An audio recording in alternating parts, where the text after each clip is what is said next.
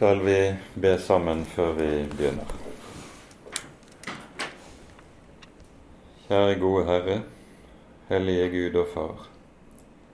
Så takker og lover vi deg at vi skal få lov til å samles på ny i ditt hellige navn og om ditt dyrebare ord.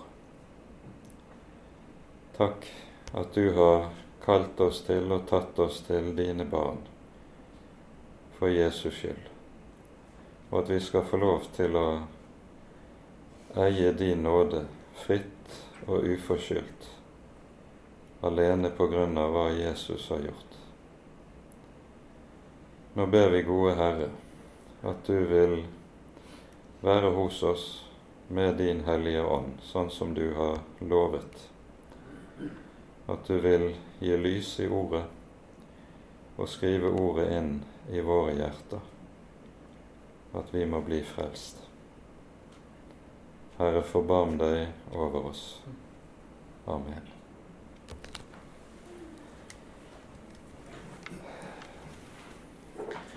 Når vi begynner på det 56. kapittel i Jesaja-boken, så begynner vi på den siste delen av Jesaja-boken, den delen som bibelkritikken kaller for Trito-Jesaja, altså den tredje Jesaja.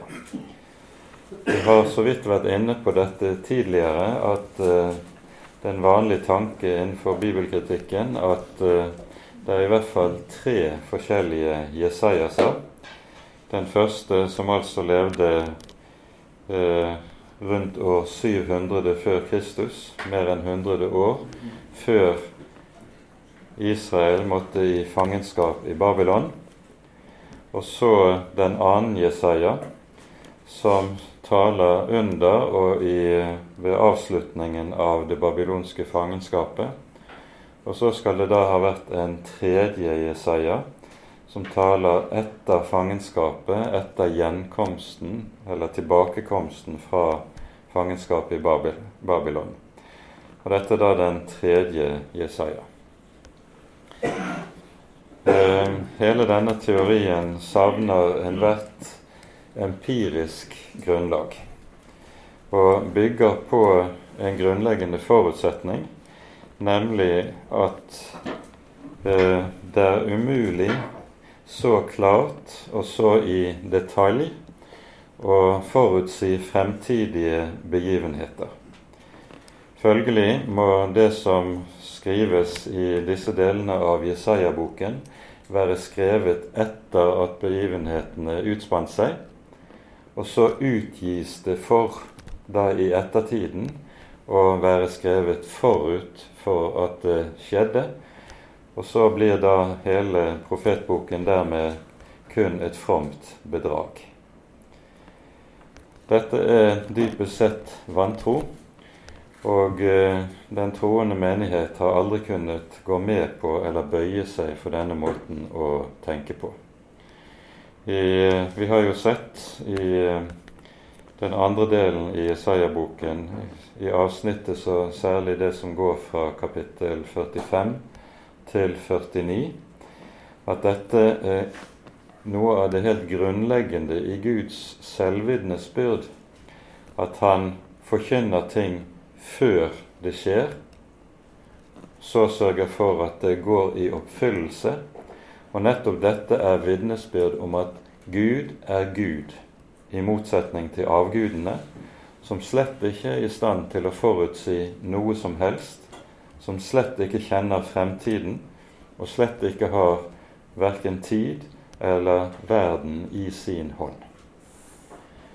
Dette er altså en grunnleggende side ved det profetiske vitnesbyrd i Jesaja, at Herren er den som har alle tider i sin hånd, og ikke minst den som kjenner fremtiden. Og dette slår jo med det også bena på grunnleggende måte under hele denne bibelkritiske hypotesen. Man har søkt å underbygge den på flere ulike måter, eh, og det skal vi ikke komme inn på i denne sammenheng. Men eh, allerede med kapitlene 56 til 59 så møter hypotesen store vansker.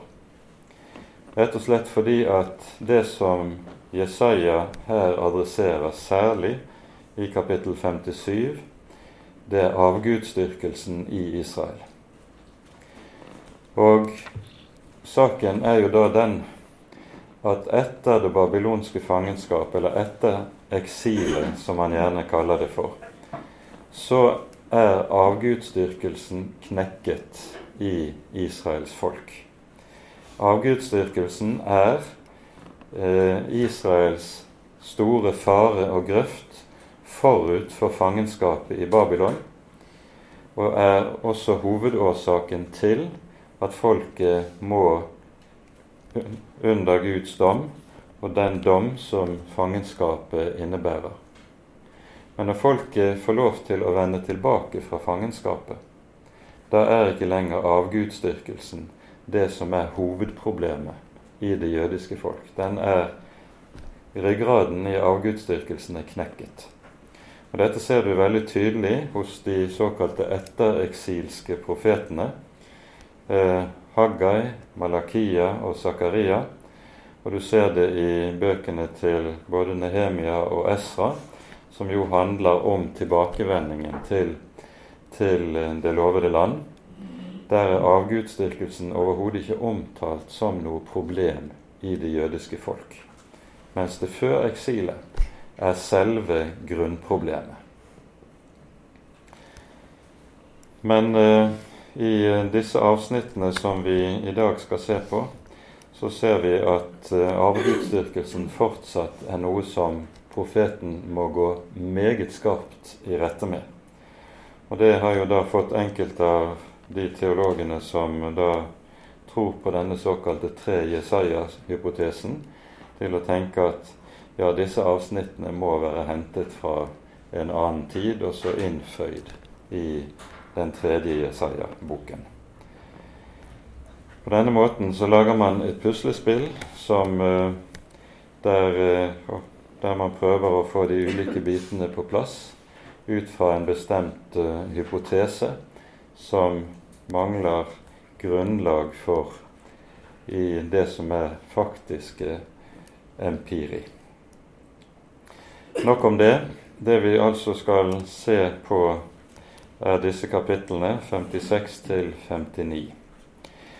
Og eh, kapittel 56 er et kapittel som begynner med det som er eh, et stadig tilbakevendende tema hos profeten Jesaja, nemlig at Guds ord og Guds løfte gjelder folkeslagene. Det er ikke begrenset til det jødiske folk i etnisk forstand, men det sikter mot alle jordens folk. Og så er temaet i første delen av kapittel 56 det du kunne kalle for det åndelige Israel, i motsetning til det kjødelige Israel. Og Vi tar oss tid nå til å lese de 89 første versene i kapittel 56. Så sier Herren, akt på det som er rett, og gjør rettferdighet. For min frelse kommer snart, og snart skal min rettferdighet åpenbares. Salig er det menneske som gjør dette, det menneskebarn som holder fast ved det, som holder sabbaten, så han ikke vanhelliger den, og som akter på sin hånd, så den ikke gjør noe ondt den fremmede som holder seg til Herren, må ikke si:" Herren vil visst, eller visselig, skille meg fra sitt folk. Og den som er gjeldet, altså evnuk, han må ikke si:" Se, jeg er et tørt tre.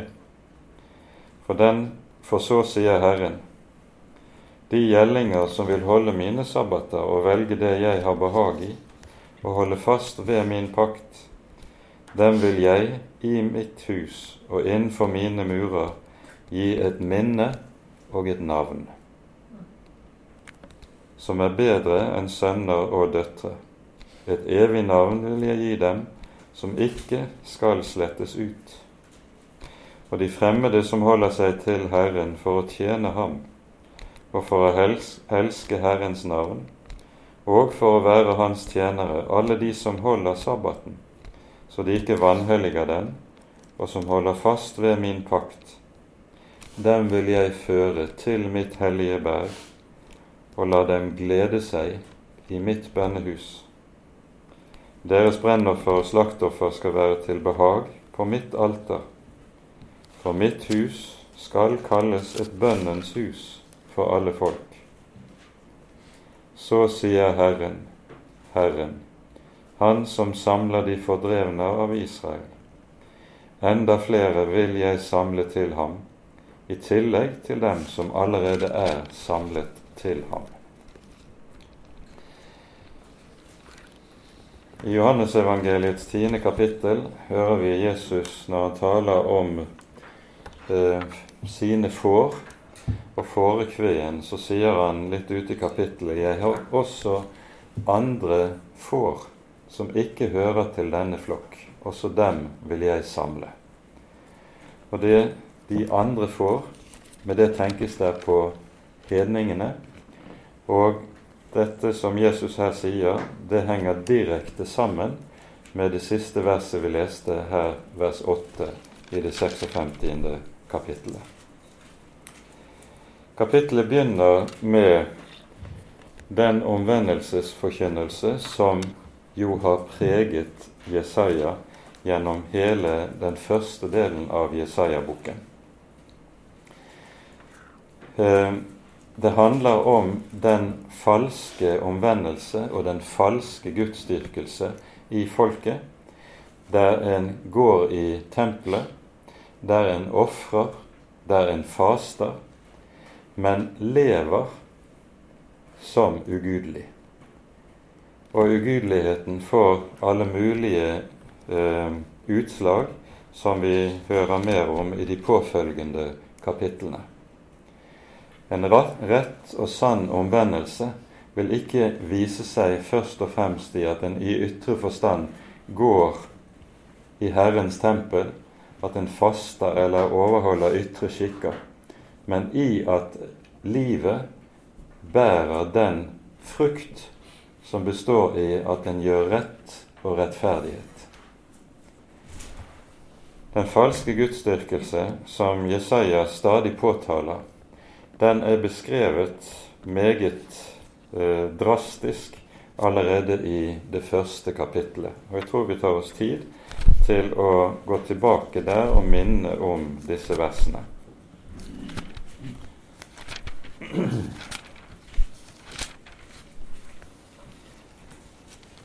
Kapittel 1,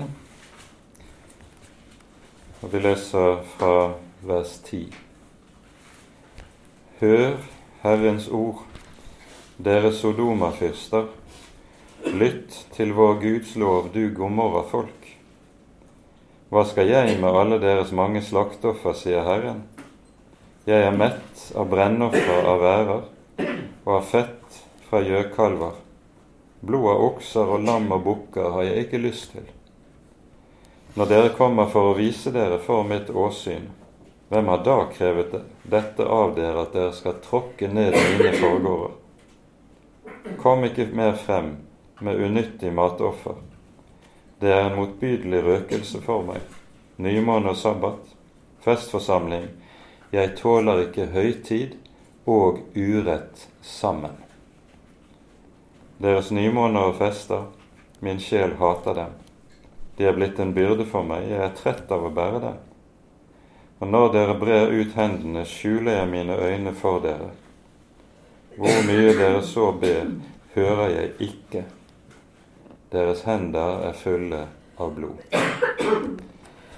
Poenget her er at dersom folket er rett omvendt, så vil det få konsekvenser i, i forhold til nesten.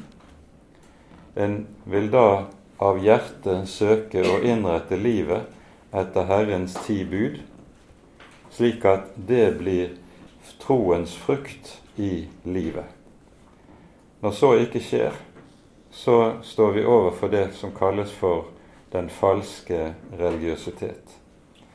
Hos Jeremia påtales dette med rene og klare ord. I det syvende kapittel der peker Jeremias på hvordan folket trer inn i Herrens tempel. De, og så står det 'dere driver hor', 'dere myrder', 'dere stjeler', 'dere røver', 'dere lyver'.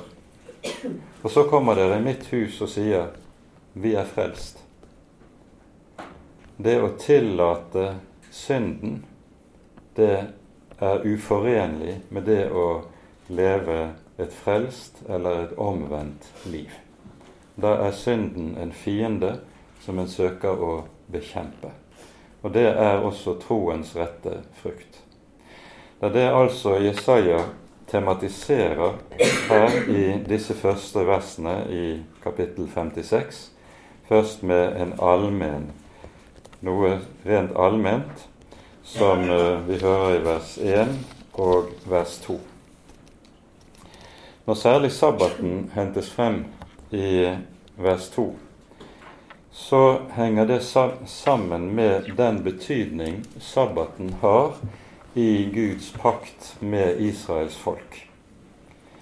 Eh, dette er det satt ord på i 2. Mosebok kapittel 31, og jeg tror vi tar oss tid også til å lese et par vers derfra. Altså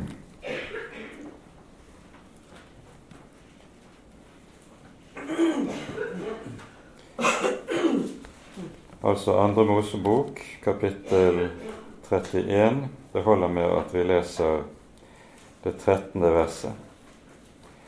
Tal til Israels barn og si:" Mine sabbater skal dere holde, for det er et tegn mellom meg og dere fra slekt til slekt, for at dere skal vite at jeg er Herren som helliger dere.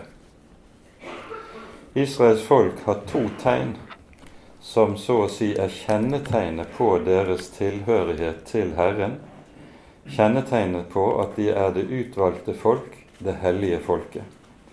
Det første tegnet er omskjærelsen, som gis Abraham. Det andre tegnet er sabbaten. Så sabbaten har en helt sentral stilling i pakten med Israels folk. Sabbaten skal samtidig være en evangelieforkynnelse for folket. Vi leste i Andre Mosebok 31 at det står det er tegn mellom meg og dere for at dere skal vite at jeg er Herren som helliger dere. Loven, eller lovsinnet, har det med seg at det alltid tenker vi må hellige oss selv Helligelse er noe som skjer gjennom min egen lydighet mot Guds bud, altså gjennom å oppfylle loven. Sabbaten er en anskuelsesundervisning om at på denne dagen skal folket hvile. Alt arbeid skal legges ned, og når folket hviler, så er det Herren som skal arbeide. Da er det Herren som helliger.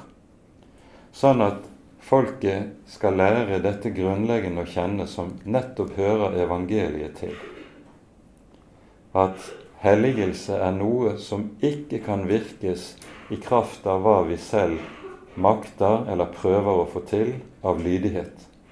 Men det er en Guds gjerning som han virker i sitt folk ved sitt ord. Og Derfor er det også så alvorlig i Israels folk at når sabbaten brytes, som det jo skjer gjennom hele kongetiden forut for fangenskapet i Babylon, så er dette et farvel med paktstegnet og et farvel med det som er den grunnleggende hensikt med at Herren har inngått pakt med sitt folk. Profeten vender tilbake til sabbaten i eh, kapittel 58 Um, og Der leser vi i vers 13 og vers 14. Og Dette er vers som har kommet til å bety svært, svært mye i rabbinsk jødedom. Når du holder din fot tilbake på sabbaten, så du ikke driver ditt yrke på min hellige dag, og du kaller sabbaten en lyst, og kaller Herrens hellige dag ærverdig, og du ærer den så du ikke går dine egne veier, ikke gjør din gjerning eller fører tomt snakk, da skal du glede deg i Herren.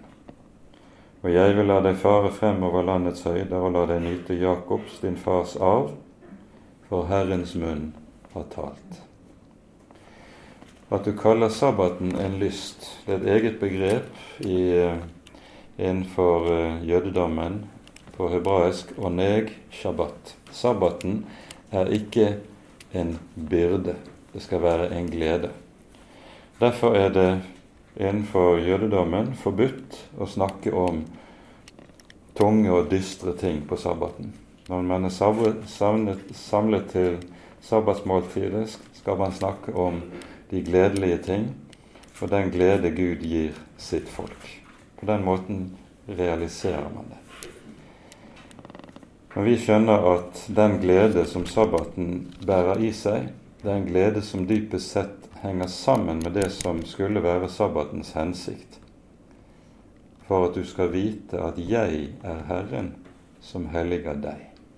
At Gud utfører sin gjerning på denne dag ved sitt ord.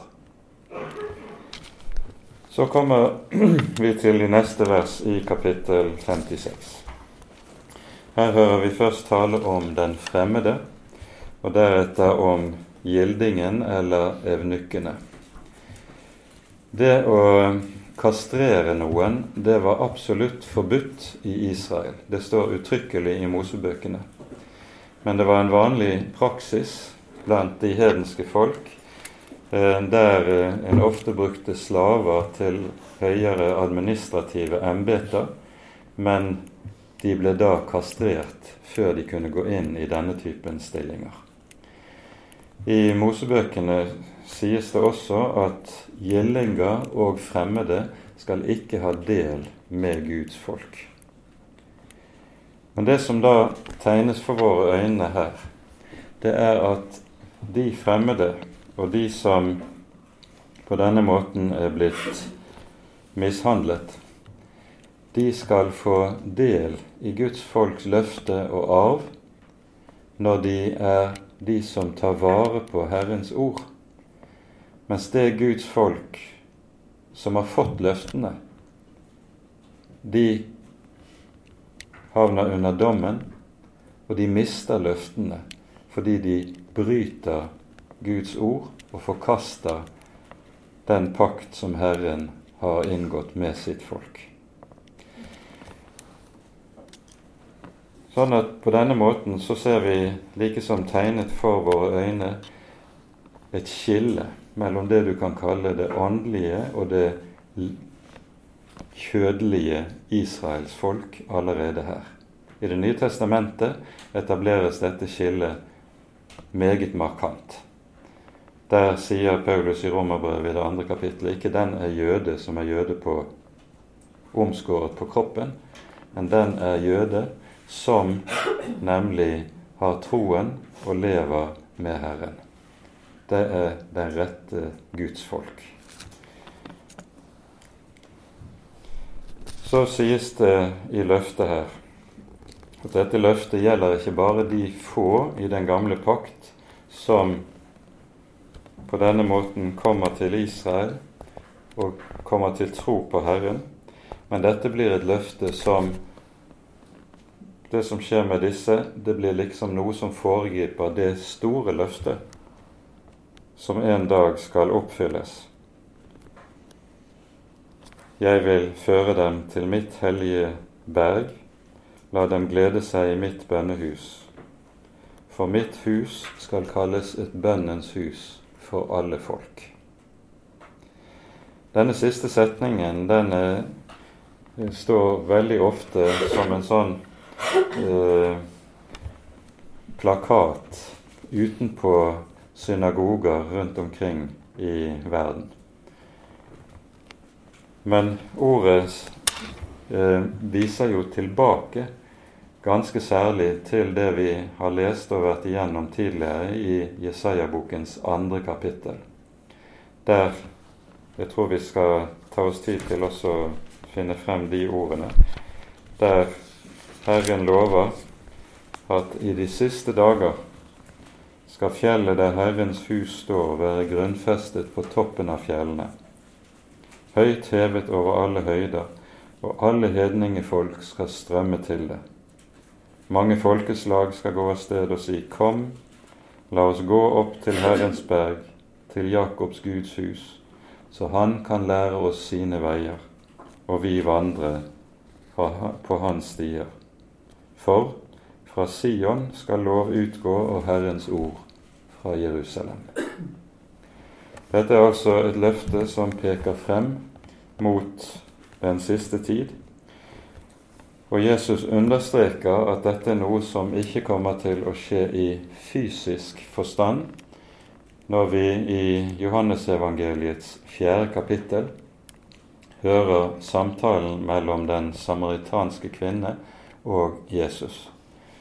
I løpet av samtalen så spør hun Jesus Dere sier at man skal tilbe i Jerusalem, men vi, altså samaritanerne, at man skal tilbe på Garisim. Hva sier nå du? Hvorpå Jesus repliserer den tid kommer da de ikke lenger skal tilbe verken Jerusalem eller andre steder, men de skal tilbe Herren i ånd og i sannhet. For det er slike tilbedere Faderen vil ha. Altså det fysiske tempel og det fysiske Jerusalem skal bli så å si avskaffet som sentrum for gudsdyrkelsen. Og så er det tale om et åndelig tempel og et åndelig Jerusalem, slik vi hører det i Det nye testamentet. Vi skal ikke gå mer på det, inn på det i denne sammenheng, men bare peker på det ganske kort her. Så i slutten av kapittel 56 så vender Jesaja seg til noe av det som er det største problemet i Israels folk. Det begynner med ordene i vers 9.: Alle dere markens dyr, kom og et, alle dyr i skogen. Israels vektere er blinde, alle sammen. De vet ingenting. Alle sammen er de stumme hunder som ikke kan gjø. De ligger og drømmer og liker å sove. Ja, grådige hunder er de. De blir aldri mette. De er hyrder som ikke har forstand. Alle sammen har de vendt seg til sin egen vei, hver til sin egen vinning, fra den første til den siste. Kom, jeg vil hente vin, sier de. La oss drikke sterk drikk og som denne dag er, skal dagen i morgen være herlig over all måte. Et av de aller største problemene som Israels folk har, er de dårlige hyrder.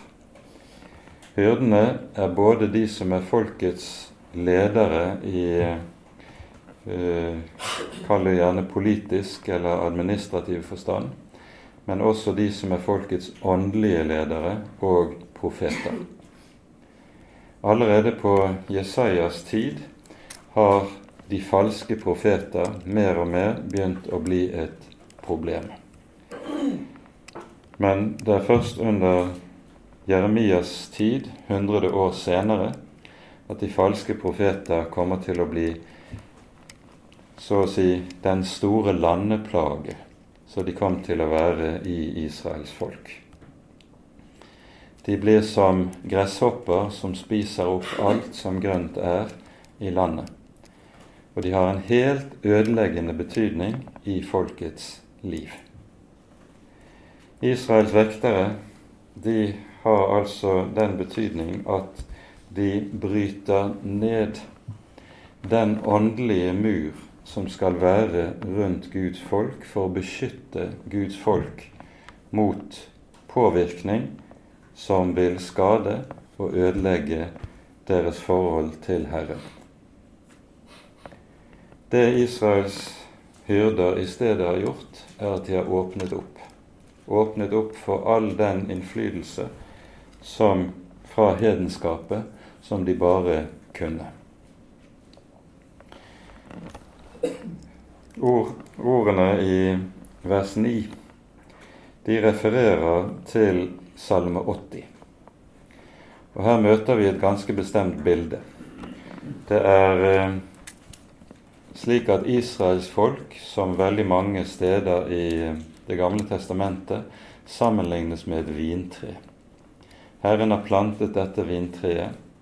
Han har sørget for det, vannet det, beskåret det for at det skal bære god frukt. Og så i stedet bærer det dårlig frukt. Og så til slutt opptennes Herrens vrede, og så river han ned gjerdet rundt vingården, så alle markens dyr og svinet fra skogen kan komme og gnage på det. Dette er et bilde på hvordan Herren tar bort sitt vern, og så blir Israel utsatt for fiendskapet til nabofolkene. Det er dette bildet som ligger bak det du hører i vers 9. Når man leser det for første gang, så kan det synes veldig uformidlet. Hvorfor står det noe sånt i denne sammenheng? Men det er det som altså er tankegangen og sammenhengen i det. Israels vektere er blinde, alle sammen. De vet ingenting. De er stumme hunder som ikke kan gjøre. Vakthunden sin oppgave er jo nettopp å si ifra når fremmede, eller når fiender kommer. Disse hyrder er ikke i stand til det. De er ikke interessert i det. Det eneste de er interessert i, det er å bruke sine stillinger som folkets ledere til egen vinning. Og Dette ser vi er noe av Israels ulykke gjennom hele denne perioden. Det er De har ledere, hyrder i folket, som er gjennom korrupte. Og denne korrupsjon gjelder også en stort antall av profetene. Mika, Profeten Mika er Jesajas samtidige, og han har et malende uttrykk i det syvende kapittel på hvordan disse folkets ledere opptrer. Han skriver de arbeider med begge hender på å få det onde til å synes godt. Slik er det disse holder på. Til stor, stor ulykke for Guds folk. Flere andre steder tidligere i Jesaja-boken har Jesaja gått i rette med disse falske hyrder. Særlig klart er dette i kapittel 5. Ved dem som utsteder urettferdige lover for å støte fattigfolk bort fra deres arv ved dem som kaller det onde godt og det gode ondt, ved dem som kaller lys mørke og mørke lys. Dette er Israels hyrder, og som profeten altså går i rette med. Så kommer vi til kapittel 57. Og I dette kapittelet er det ganske særlig avgudsdyrkelsen i folket som er det profeten eh, adresserer.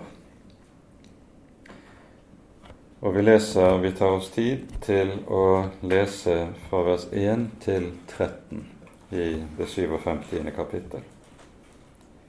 Den rettferdige omkommer, og det er ikke noen som legger seg det på hjertet. Fromme menn blir rykket bort uten at noen forstår det for den rettferdige blir rykket bort før ulykken kommer. Han går inn til fred. De hviler på sitt leie, alle de som går sin vei, rett frem. Det som nevnes her, det er altså at Herren har gjort det klart at ulykke og dom ligger foran for folket. Og så sier Herren at han før disse store ulykker kommer, så vil han rykke bort de rettferdige. De skal spares for denne, dette fryktelige som ligger foran. Vi har en parallell til dette i um, første kongebok, nei, andre kongebok um, når vi hører om kong Josias, som var konge i Jeremias dager. Han er den siste gudfryktige konge i Jerusalem. Så, og han er den som søker å gjennomføre en reformasjon i folket for om mulig å vende folket bort fra avgudsdyrkelsen og tilbake til Herren sin Gud. Det lykkes han ikke i, for så snart Josias er død, så bryter ugudeligheten igjennom med dobbeltkraft. Men eh, Herrens, når eh, Josias er i gang med sin reformasjon, så sender Herren profetinnen Hulda. Det er en av de få kvinnelige profeter vi hører om i Det gamle testamentet. Hun sender henne til Josias og lover ham at den ulykken som Herren har truet folket med grunn av avgudsdyrkelsen, den skal ikke ramme så lenge Josias lever. Han skal gå inn til fred før ulykken velter inn over folket som en flom. Så det er noe av dette som det samme vi her hører i begynnelsen av kapittel 57. Så fra vers 3 av så hører vi avgudsdyrkelsen påtales. Men kom hit, dere barn av trollkvinnen, dere yngel av ekteskapsbrytere og horkvinner. Hvem er det dere gjør dere lystige over? Hvem er det dere lukker munnen opp imot og rekker tunge til?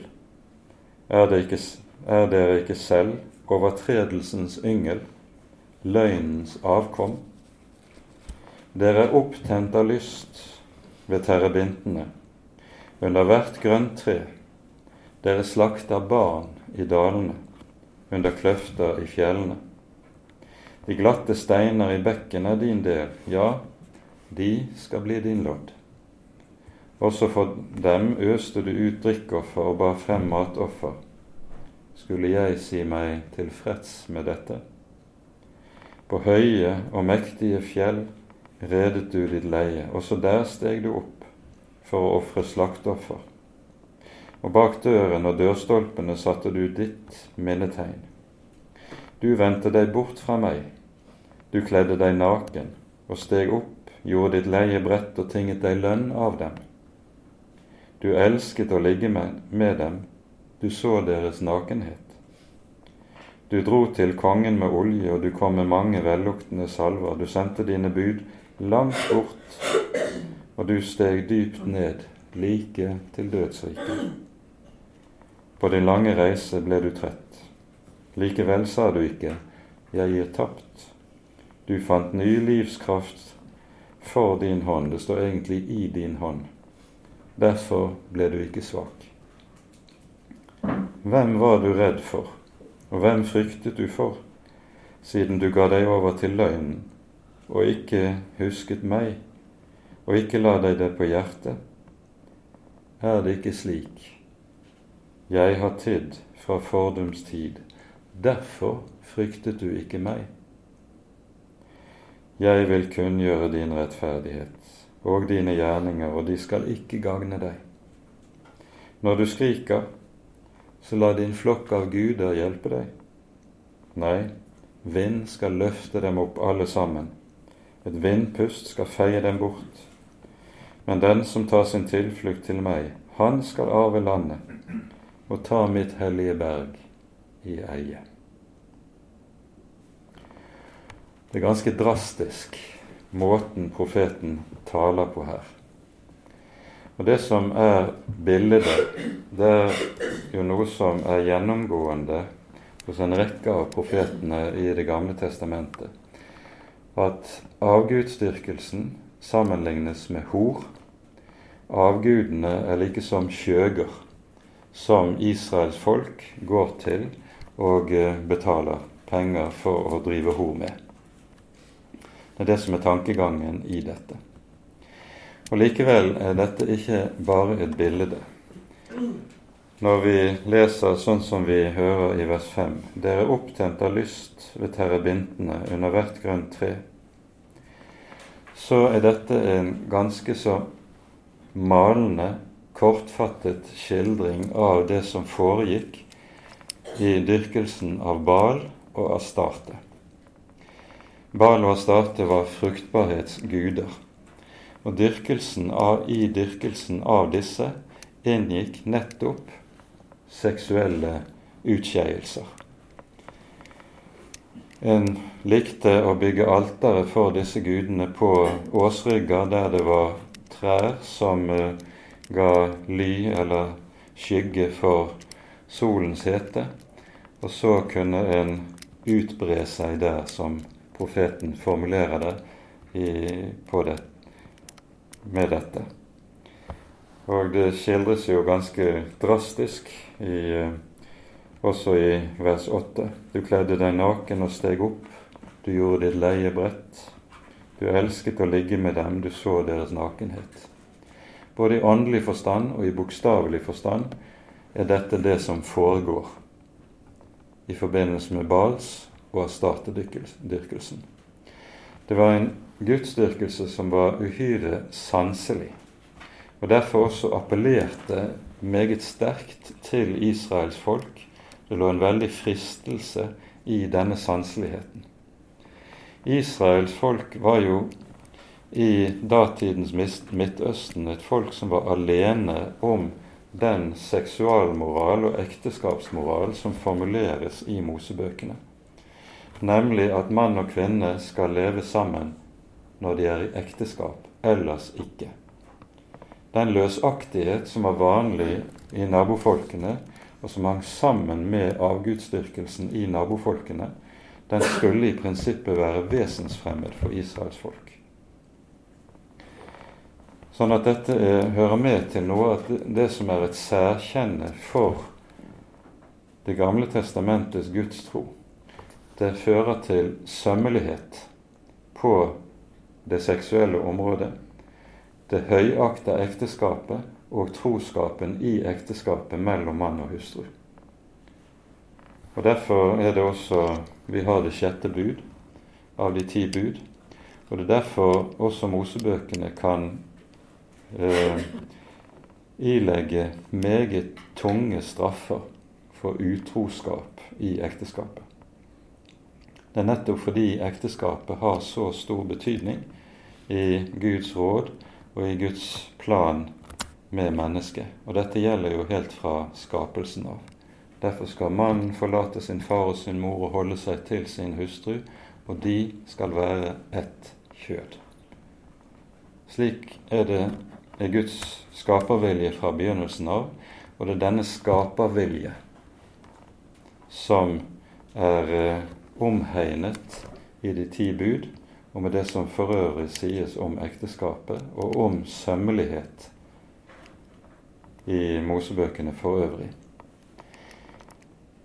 Vi behøver ikke gå inn på dette noe videre, men for de som ønsker det, så kan de tar for seg 3. Mosebok kapittel 18 og 19. Der har man en del av den lovsamlingen som kalles for hellighetsloven i 3. Mosebok.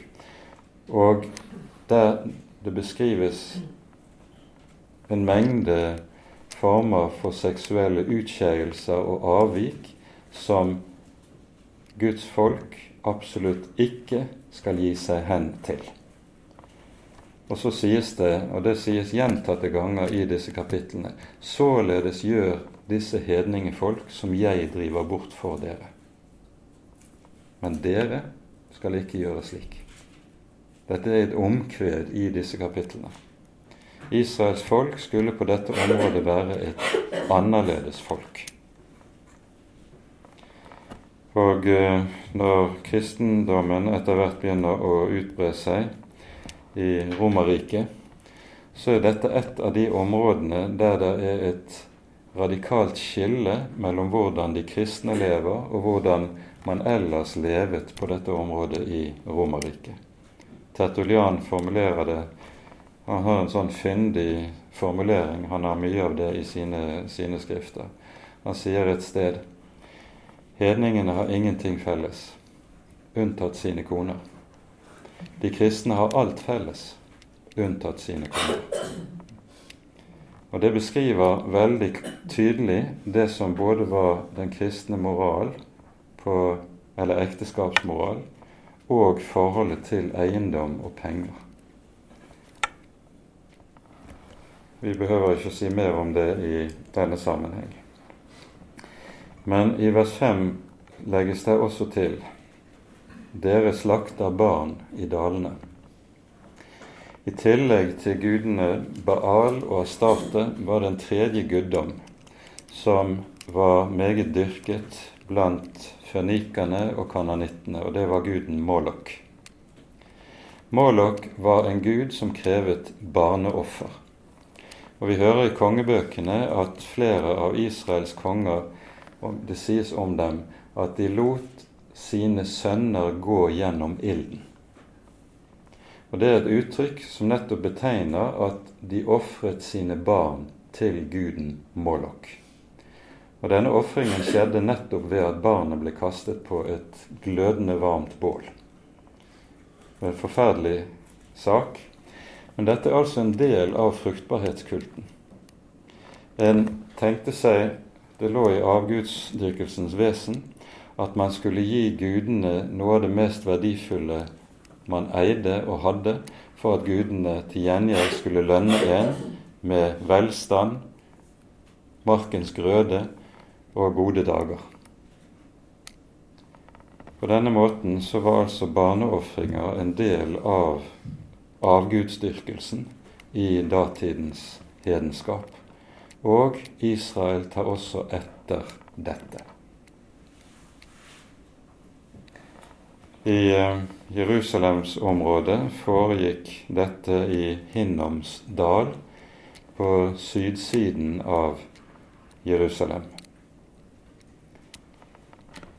Når Josias kommer på tronen, som vi har vært inne på tidligere, så gjør han alle disse avguds, river han ned avgudsalterne og gjør alle disse plassene der det har vært drevet sånne ofringer, urene på en sånn måte at til og med hedningene ikke kunne fortsette å bruke dem for slike formål. Og etter at Israel er kommet tilbake fra fangenskapet i Babylon, så ble Hinnoms dal en dal som er et urent sted. Så Jerusalems innbyggere bruker det til å kaste avfall, søppel fra byen, og det ligger og brenner der. Så det er en avfallsplass der det stadig brenner. Denne dalen heter da på hebraisk Gehinom, og det er Gehenna, som Jesus taler om f.eks. i bergpreken, og som er bildet på fortapelsen.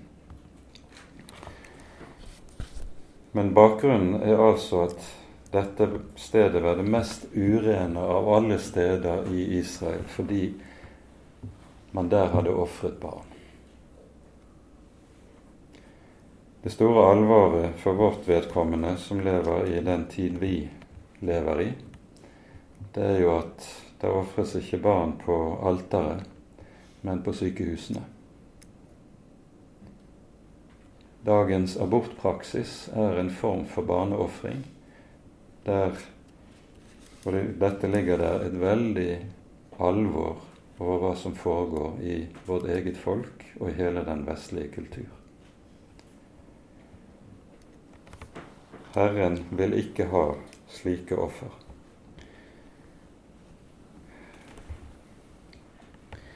Vi eh, går videre i kapittel 57. Når vi kommer til vers 9 og 10, så refereres det i disse versene til hvordan folket når de sto overfor den store trussel som vi har lest om og vært inne i. Først i kapittel 7 og 8 i Jesaja-boken, den såkalte syrisk-efraimittiske krig, og senere trusselen fra Syria, som vi har i avsnittet fra kapittel 30 og utover, så vender folket seg ikke til Herren i sin nød. De ser ikke på det som nå skjer, som en Herrens tukt, og som dermed også som et kall til omvendelse. I stedet ønsker folket å fortsette i sin synd, og for å få hjelp mot fienden så henvender de seg da i stedet til sterke nabofolk i håp om å inngå politiske og militære allianser, og det skal redde dem. Og Herren sier de blåses vekk av vinden. Ingenting av den slags skal kunne redde dere. Så det Jesaja gjør i disse versene her, det er ganske kort og så, så å si å summere opp det han har vært igjennom, eller vi har vært igjennom tidligere i Jesaja-boken. Og så kommer vi til siste delen av kapittel 57. Det skal bli sagt, bygg, bygg, rydd vei, ta hvert anstøt bort fra mitt folks vei. For så sier den høye, den opphøyede, han som troner for evig, han som bærer navnet hellig. I det høye og det hellige bor jeg, og hos den som er knust og nedbøyd i ånden, for å gjøre levende de nedbøydes ånd, og gjøre de sønderknustes hjerte levende. For ikke til evig tid går jeg i rette, og ikke for alle tider er jeg vred. Og da måtte Ånden visne for mitt åsyn, de sjeler jeg har skapt. Dette er jo et ord som uh, siteres ved innledningen til våre gudstjenester i Delk. Og det står i denne sammenheng som en motsetning til det vi har hørt om Israels folk i det foregående. Det som nemlig kjennetegner avgudsdyrkelsen, det er den menneskelige stolthet og selvstorhet. Mennesket vil selv være herre. Mennesket vil selv råde for sin vei.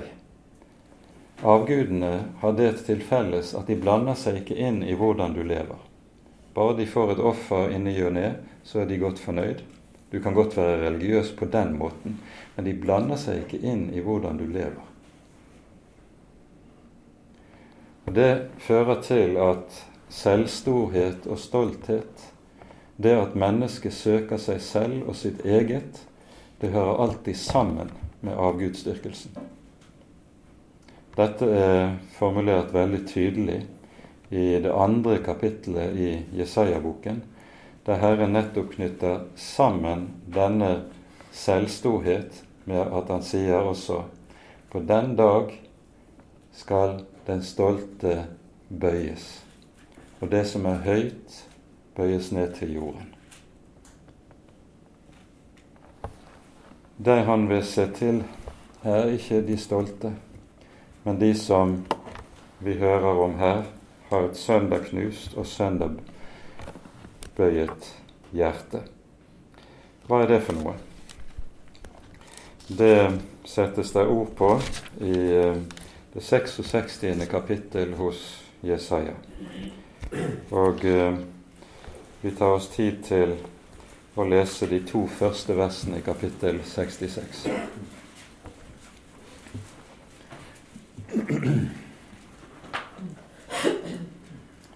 Så sier Herren, Himmelen er min trone, og jorden en skammel for mine føtter.